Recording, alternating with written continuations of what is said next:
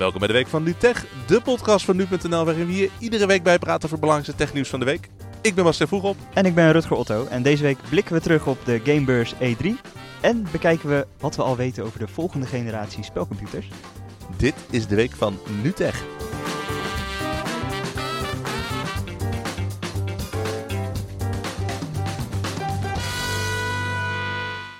Nou ja, ik zeg nu tech, maar het is dus deze week een beetje een Nu Games podcast geworden. Maar dat is ook niet zomaar, want de E3 was in Los Angeles. Precies, en daar ben jij geweest. Je bent net terug. Ja, dat is dus uh, ja, de belangrijkste gamebeurs uh, ter wereld. Niet de grootste, die zit uh, gewoon verderop bij ons in Duitsland. Maar bij E3, ja, daar komen de grote bedrijven zoals Sony, Nintendo, Microsoft, komen eigenlijk allemaal samen. En laten ze eigenlijk hun plan voor ja, op, op zijn minst het aankomende jaar zien. Van wat komt er allemaal qua games uit, wat kunnen we verwachten. Soms worden er ook nieuwe spelcomputers aangekondigd, dat gebeurde dit jaar niet. Maar we hebben wel een voorproefje gekregen op wat voor games er allemaal aankomen. Ja, de grote studio's hebben allemaal uh, presentaties gegeven. Hè? Mm -hmm. de, de eerste paar dagen voordat de beurs open ging, uh, vonden die eigenlijk al plaats. Ja, de eerste was van uh, EA. Op, ja. op de zaterdag al, dus eigenlijk gewoon een halve week voordat de beurs open ging, hadden zij een persconferentie. Uh, is een hoop bij voorbij, voorbij gekomen. Dus om heel snel even te noemen. Dingen zoals dat bij FIFA 19 de Champions League wordt toegevoegd. Dat was door een Nederlandse voetbalcommentator al per ongeluk naar buiten. Ja, ja. Maar dat is nu eindelijk bevestigd. Battlefield 5 krijgt een uh, Battle Royale modus. Dus dat je met 100 man op een kaart wordt gedropt. En dan uh, degene die als laatste overleeft, die overleeft. Ja, die natuurlijk uh, inspelend op het uh, succes van Fortnite en ja. PlayerUnknown's Battlegrounds. Ja, dat zijn natuurlijk de grote game hits. En je merkt ook wel als je naar alle aankondigingen op E3 keek. De Battle Royale hype, zoals je het noemt, ja, die is wel heel erg groot op het moment. En iedere ontwikkelaar probeert een stukje van die taart nu mee te pikken. Ja, in de grote uh, schietspellen is het eigenlijk wel een soort van geïnfiltreerd, hè, om uh, ja, ja, ook verfrissend en vernieuwend te blijven. Ja, maar de grootste aankondiging, of uh, nou niet zozeer een aankondiging, maar het grootste onderwerp dat ze bij EA lieten zien was de shooter Anthem. Dat is, ja, je noemt het heel kiki een loot shooter.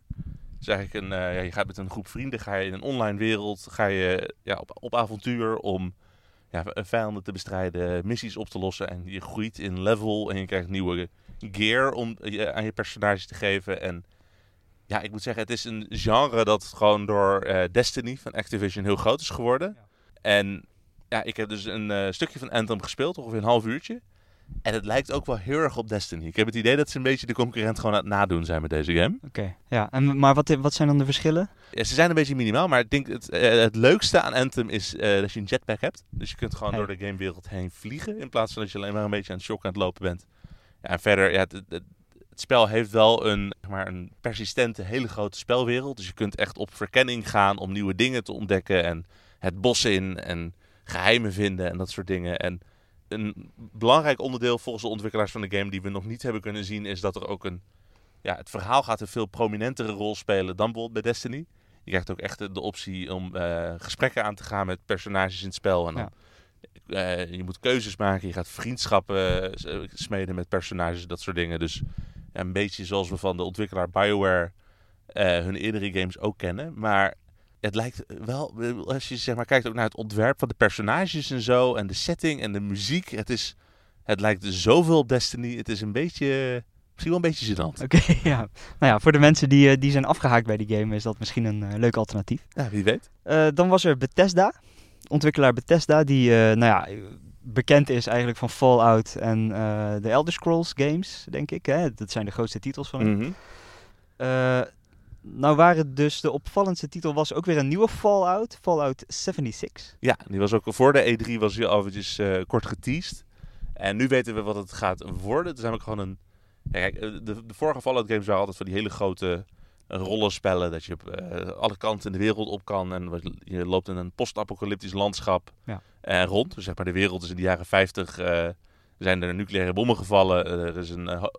ja, de apocalypse is geweest en na jaren, jaren, jaren ga jij weer naar boven en uh, moet je zien te overleven. Deze game heeft wel diezelfde setting, maar het is nu volledig multiplayer. Dus jij gaat straks dat post-apocalyptische landschap in. Maar daar zijn ook allemaal andere spelers die misschien een kampje hebben gebouwd. Of misschien wel op andere spelers proberen te jagen om hun uitrusting te stelen en dat soort dingen. Dus het is veel meer een, ja, een soort van hele spannende online wereld. Ja. En hoe dat gaat werken, dat moeten we nog even zien. Is er een doel bekend eigenlijk van de game? Ja, ze zeggen dat je het ook helemaal alleen kan spelen en dat er een verhaal is. Maar hoe dat gaat uitpakken. Uh, op E3 hadden ze het wel voor de game, maar hij was ook nog niet te spelen. Dus dat is op het moment nog erg, last, erg lastig te zeggen. Hij komt later dit jaar wel uit. Ze liepen natuurlijk bij Bethesda wel heel erg op de zaak vooruit. Mhm. Naast de Fallout die dan nou, vrij snel verschijnt, lieten ze ook alvast weten wat er de komende jaren gepland staat voor de studio. Eh, te beginnen met Starfield. Ja, daar weten we. Ja, ze hebben gezegd dat hij eraan komt, maar verder weten we er eigenlijk niet zo heel veel vanaf. Het is een science fiction game. Daar kunnen we heel kort over zijn. Ja, Maar ik denk dat het de aankondiging van de game die dan vervolgens daarna komt. Ik moet trouwens zeggen, het is voor een gameontwikkelaar heel gek. Ik bedoel, me- de meeste games worden zeg maar binnen een jaar voordat ze uitkomen eh, aangekondigd. Ze worden jaren daarvoor al ontwikkeld, maar wij als spelers komen er pas vrij laat achter. Dus Ja. dat Bethesda zegt van nou weet je wat, de volgende game is dat en de game daarna is dat is heel opmerkelijk. Maar die tweede game, dat is The Elder Scrolls 6. Mhm. En dat is dus de opvolger van eh, ja, Skyrim, wat toch een van de best verkochte PC-games aller tijden is. ja, ja, sowieso een van de best verkochte games, denk ik. Want die eh, game is eh, tegenwoordig overal op te spelen. De vraag is een beetje, eh, de fans weten ook helemaal niet waar, het- waar het over gaat. Er was een kort filmpje te zien dat je in een soort flyover over een gebied ging. En toen kwam het logo in beeld. En meer dan dat was het eigenlijk ook Nee, niet, ik, ik heb ook met de, on- ja, zeg maar de hoofdontwikkelaar van die game, Todd Howard, heb ik een interview gehad. En die zei ook van ja, het spel is, ja, het is op het moment eigenlijk alleen nog maar een soort van conceptfase. Ze zijn aan het nadenken van wat, hoe, hoe willen we het eigenlijk gaan maken. En er is nog niet iets speelbaars. Eh, het komt ook eh, de komende jaren nog niet uit. Dus Ja. eh, 2021 kun je hem op zijn vroegst zeg maar verwachten. Maar ik denk dat het wel 2022, 2023 wordt. Dus dat duurt nog even. Maar ja, het is natuurlijk wel een vervolg op een ontzettend populair spel waar heel veel mensen op zaten te wachten. En ik had het dus met Howard er ook over dat, ja, waar- waarom kondig je dit nou zo vroeg aan? En ja, de motivatie was heel simpel. Ze, hadden, ze brengen allemaal andere games uit. En het, het duurt inmiddels al zo lang tot er een Ja. echte nieuwe Elder Scrolls kwam. Dat ze echt bang waren dat fans in, ja, in paniek zouden raken. Omdat ze dachten dat hun serie gewoon eh, voorbij was. Ja, precies. Nou, ze weten nu in elk geval dat die, eh, dat die komt en dat Ja. er eh, aangewerkt wordt. Microsoft had een bomvolle show. Ja, dat was ook een beetje trailertjes kijken op een bepaald punt. Ja. Ze hadden in totaal 50 games die ze lieten zien, waarvan eh, een aantal nieuw waren en een aantal exclusief voor de Xbox, sommige spellen ook voor andere platformen. Maar ja, het, het, het was, het was een flinke show. Ik denk dat de meest prominente eh, game die genoemd is, waar we eigenlijk ook het minste over, over te weten zijn gekomen tegelijkertijd, is eh, Halo Infinite. Ja. Zeg maar een vervolg. Microsoft heeft natuurlijk de Halo game reeks. Dat is een serie science fiction games. En daar komt nu ook eindelijk weer een vervolg op. Maar wat voor soort spel dat gaat worden, wat het idee is, dat moet allemaal nog blijken. Ja, hij heet geen eh, Halo 6, eh, wat het volgende deel zou zijn in de serie. Mhm. Dus of het nou echt een vervolg is op Halo 5, dat is ook nog niet helemaal eh, bekend. Ik vraag me af of ze misschien een beetje de online kant ook op zullen gaan. Dus een beetje zoals we zagen bij ja, de games zoals Destiny en Anthem. Dat ze iets hebben van, nou, dat stukje van de taart willen we ook aan mee eten. Zo'n naam als Destiny Infinite geeft ook het idee, je kan het oneindig spelen. Dus dat zijn een beetje van die online progressiespellen zoals dat. Ik weet het niet. We gaan het zien. Nog een eh schietspelreeks van Microsoft die een vervolg krijgt is Gears of War. Dus we krijgen ergens, ik geloof volgend jaar krijgen we Gears 5. En dat is geloof ik ook het eerste deel waarbij een, eh, ja, een vrouw in die game een hele prominente rol heeft. Dus dat Ja. is op zich eh, gaaf om te zien. Klopt, ja, die serie stond altijd wel bekend om de grote, stoere, brede mannen. Ja, die worden ook steeds minder stoer en breed als je kijkt Ja. naar hoe ze er in de game uitzien. Maar eh, ja, nee, dat is gewoon een ook een beetje een soort van... het, is, het is in de toekomst, maar het is een beetje grimmig. En er zijn allemaal monsters die uit de grond komen. En eh het zijn gewoon hele leuke schietspellen. Ja. Ik zit even te denken, want ze hadden heel veel. Maar het was ook allemaal een beetje, een beetje standaard. Van, oh, schietspelletje hier, schietspelletje daar. Ze lieten ja, het vervolg van de actiegame Devil May Cry zien. Maar dat is Ja. een beetje een niche dingetje natuurlijk Ja. wel. En dat komt ook op meerdere spelcomputers. Over vrouwelijke hoofdrolspelers gesproken. Bij de Sony persconferentie werd er geopend met eentje. Ja, Last of Us 2. Ja, dus de eerste Last was zeg maar een, soort, een hele grimmige zombie game. Dus de wereld was overspoeld met zombies en je speelde een beetje een mopperende huisvader die eh, zijn familie was kwijtgeraakt en eh, een eh, jong meisje moet beschermen tijdens een reis. Ja, staat wel heel eh, goed aangeschreven als, een, als de game met een, met een fantastisch verhaal. Hè? Ja. Dus ja, daar, daar wordt ook van verwacht dat het volgende deel dat ook heeft. Ja, en je speelt dus nu zeg maar als dat kleine meisje deel 1. Ellie, Ja. die is nu wat eh, volwassener geworden. Ik denk dat wel het bijzondere aan die trailer, ik bedoel, het is- het is een vrouwelijke hoofdrolspeler, maar het is zelfs een lesbische vrouwelijke hoofdrolspeler. Wat natuurlijk tegen alle stereotypen van een gameheld ingaat. Ja. Dus dat is voor zo'n hele grote game natuurlijk heel bijzonder. Ik moet wel zeggen, ja, we hebben wel een soort van gameplay trailer gezien waarbij er, gesp- er gespeeld wordt. Maar het is mij bij die trailer nog onduidelijk hoeveel er nou echt spel is en hoe vaak het zeg maar naar een heel vloeiend naar een filmpje overgaat waarbij de controle weer, weer wordt afgenomen. Want het zag er heel gaaf cinematisch uit. Echt alsof Ja. je naar een hele spannende zombiefilm aan het kijken was. Ja, maar het moet zich dan inderdaad wel precies zo uitspelen. Wil je dat zelf ook, eh, ook Ja, precies. Ja. En verder was het voor Sony, vond ik het een beetje een... eh er zat niet echt... Bedoel, de Last of Us was al een keertje aangekondigd. We weten feitelijk niet heel veel meer over die game. En hele grote nieuwe aankondigingen hadden ze verder ook niet. Dus voor Sony was het een beetje een saai jaar. Ja, dan was er ook nog eh, eh, Ubisoft. Die begonnen met beelden van Beyond Good and Evil 2. Waar al jaren aan gewerkt wordt. eh, Ja, de eerste was een beetje een cult game. Hè? Dus dat was, Ja. een heel, was een avonturenspel waarin je met Jade in een soort van rare alternatieve science fiction-achtige wereld speelde. veel personages waren dieren. Ja, het was een beetje een, een, een gekke game. Eh, heel hoog aangeprezen door eh, critici, maar heel slecht verkocht. Dus dat er eh, jaren later toch nog een vervolg komt naar heel veel eh, online smeekbeden, zoals op zich wel bijzonder. En Ja. hebben we dus nu weer... Ja, we hebben, we hebben een heel mooi filmpje gezien, maar verder eigenlijk ook nog niet zo heel Ik veel. geloof ook dat ze nog niet super ver zijn met de ontwikkeling van die game. In de vroege alpha-fase hadden ze het over, ja. Ja, dus het kan nog wel even duren voordat we daarmee aan de slag kunnen. Ja. Assassin's Creed natuurlijk. Ja, Hele nieuwe, belangrijke. hij was al naar buiten gelekt. Er was een sleutelhanger met het nieuwe logo van deze game aan de buiten gelekt. Ja. Dus vlak voor de E3. Balen voor hun. Maar het, het volgt een beetje het idee van eh, Assassin's Creed Origins, die vorig jaar uitkwam. Het is weer een grote open wereld game waarbij je ja, ge- gebieden kunt verkennen. Je moet als sluipmoordenaar allemaal mensen vermoorden en dat soort dingen. Ja. Eh, dit keer in het oude Griekenland. Je speelt een nazaat van de oude koning Leonidas van Sparta. En je, ja, je, gaat op pad om allemaal mensen te helpen. En eh, het is een beetje het standaard riedeltje. Wel bijzonder is dat je nu de keuze hebt aan het begin van de game om een man of een vrouw te spelen. Ja, Dat de, één eerdere Assassin's Creed game heeft dat wel eerder gedaan. Maar het is nu voor het eerst dat ja, beide personages ook echt identiek zijn in wat ze kunnen. Dus je kiest eigenlijk gewoon een beetje van nou, waar voel ik me fijn bij- om de game te spelen. En daarna is het voor iedereen hetzelfde. En je kan in gesprekken allemaal keuzes maken. Dus je kan ook zeggen van nou, wil ik eh, hier de diplomatische route kiezen om de game te, eh, voor te zetten? Of wil ik een eh, oorlog beginnen om de strijd aan te gaan? En ja, hoe groot die impact van die keuzes gaat worden, dat gaan we in de volledige game maar zien. Maar Ja. ja, het wordt steeds meer een beetje een rollenspel. Dat zagen we bij Origins ook al. En het, die lijn trekt een beetje hier voort. ja, die trend is ingezet. Heel veel vrijheid dus in de nieuwe Assassin's Creed.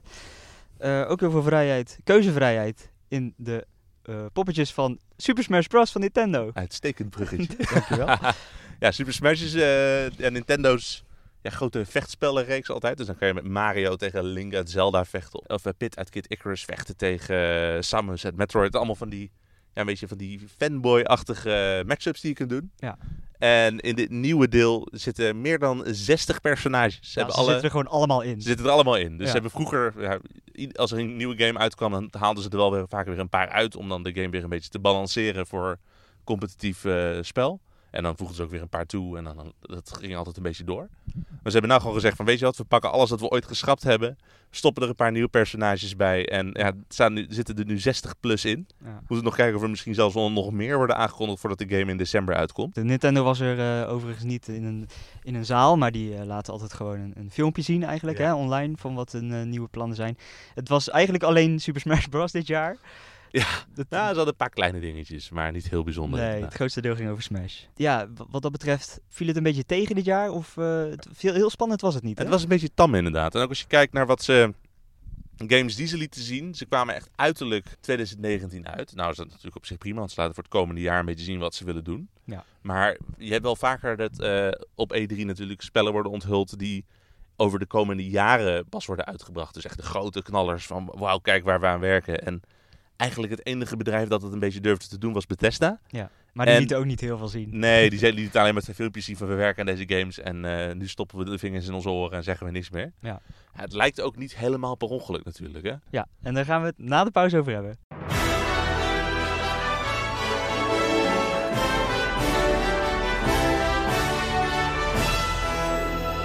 Ja, we hebben dus nu ongeveer een jaar vooruit gekeken. Niet superveel nieuws gezien qua games op de E3. Eh, de reden daarvan zou kunnen zijn dat we zo langzamerhand weer richting een nieuwe generatie spelcomputers gaan. Ja. En daar wijzen ook wel een paar dingen op, geloof ik, hè? Ja, het meest eh, expliciete wat we eigenlijk gehoord hebben op E3 was van Microsoft. Die zeiden tussen, ja, tussen twee snelle game trailers in nog even tussendoor van... eh hey, we werken ook al een beetje voorzichtig aan de volgende generatie spelcomputers. Ja. Verder werd er ook helemaal niks over verteld van wanneer komen ze. Wat is het idee dat we ervan moeten verwachten. Uh, wat voor spellen verschijnen daarop. Tegelijkertijd hebben we ook uh, de nodige geruchten die voorbij komen. Dus over Microsoft zelf zijn ook documenten naar buiten gelekt.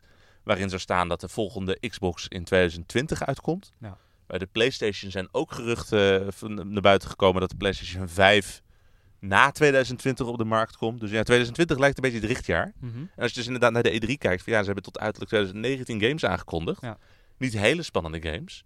Het zou natuurlijk heel goed kunnen dat er heel veel studio's nu al een beetje aan het voorbereiden zijn om spellen te maken voor die nieuwe generatie spelcomputers. Zodat als die straks wordt aangekondigd, dat er direct een hele reeks bij beschikbaar is. Ja, zo gaat het een beetje. Hè? En, en dat we nu een beetje in de, laatste, eh, in de laatste jaren eigenlijk zitten van de huidige spelcomputers.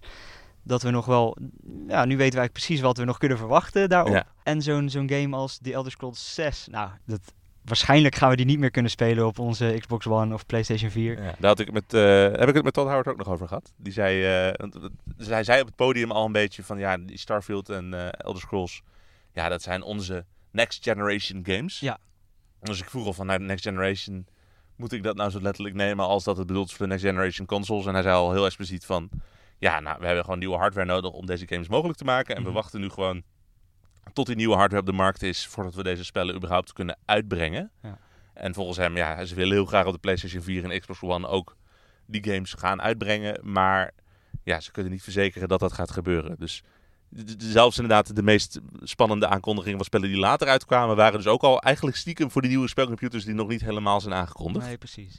Het wordt natuurlijk wel eh, de vraag wat, wat die computers dan anders gaan doen. Hè? Want ja, we hebben de laatste jaren natuurlijk al wel updates gezien ook van de Xbox Mhm. One en de PlayStation 4. 4K-ondersteuning, HDR-ondersteuning. Ja, hoeveel pixels kunnen er nog bij? Ja, nou, we, we gaan natuurlijk niet snel met televisies naar 8K of zoiets. Dus Nee. ik kan me niet voorstellen dat ze zich daar al op gaan voorbereiden. Eh, misschien dat ze iets, ja, iets betere 4K-beelden kunnen gaan ondersteunen. Maar wat ik me eigenlijk afvraag vooral is dat we hebben nu natuurlijk de Nintendo Switch die vrij laat eh, in deze matchup is gekomen. Ja. En Nintendo heeft daar super veel succes mee op het moment. Dat zien natuurlijk die andere bedrijven ook. En zo'n Sony en zo'n Microsoft moeten zich natuurlijk ook afvragen van... Moeten wij niet naar deze handzame vorm gaan? Ja. Moeten wij niet een Xbox uitbrengen die je gewoon in je tas kan stoppen... en dan als handheld gewoon in de trein kan gebruiken om je Xbox games te spelen? ja, precies. Sony heeft natuurlijk wel ervaring met eh, handhelds gehad met de Vita. Dat is niet heel goed gegaan. Maar Nee, dat is de afgelopen zaak eh, inmiddels. Maar misschien dat ze denken van... Nou, als we het nou in één grote PlayStation 5 combineren... misschien lukt het ons dan toch wel. Ja. Dus misschien dat ze ook wel een beetje die kant op gaan. Ik weet het niet. En dat was hem weer voor deze week van NuTech. Mocht je nog meer willen lezen over wat er allemaal op E3 is aangekondigd en wat wij vinden van de games die we daar hebben gespeeld, dan kun je terecht op het Techkatern of op het Gameskatern, wat je vindt op nu.nl slash games of nu.nl slash reviews als je de hands-ons wil lezen. Verder kun je, ons, natuurlijk gewoon altijd vinden in de nu.nl app. We zijn te vinden op Twitter, op Facebook en je kunt ons mailen op tech.nu.nl. En nou, wij zijn de volgende week weer. tot volgende week.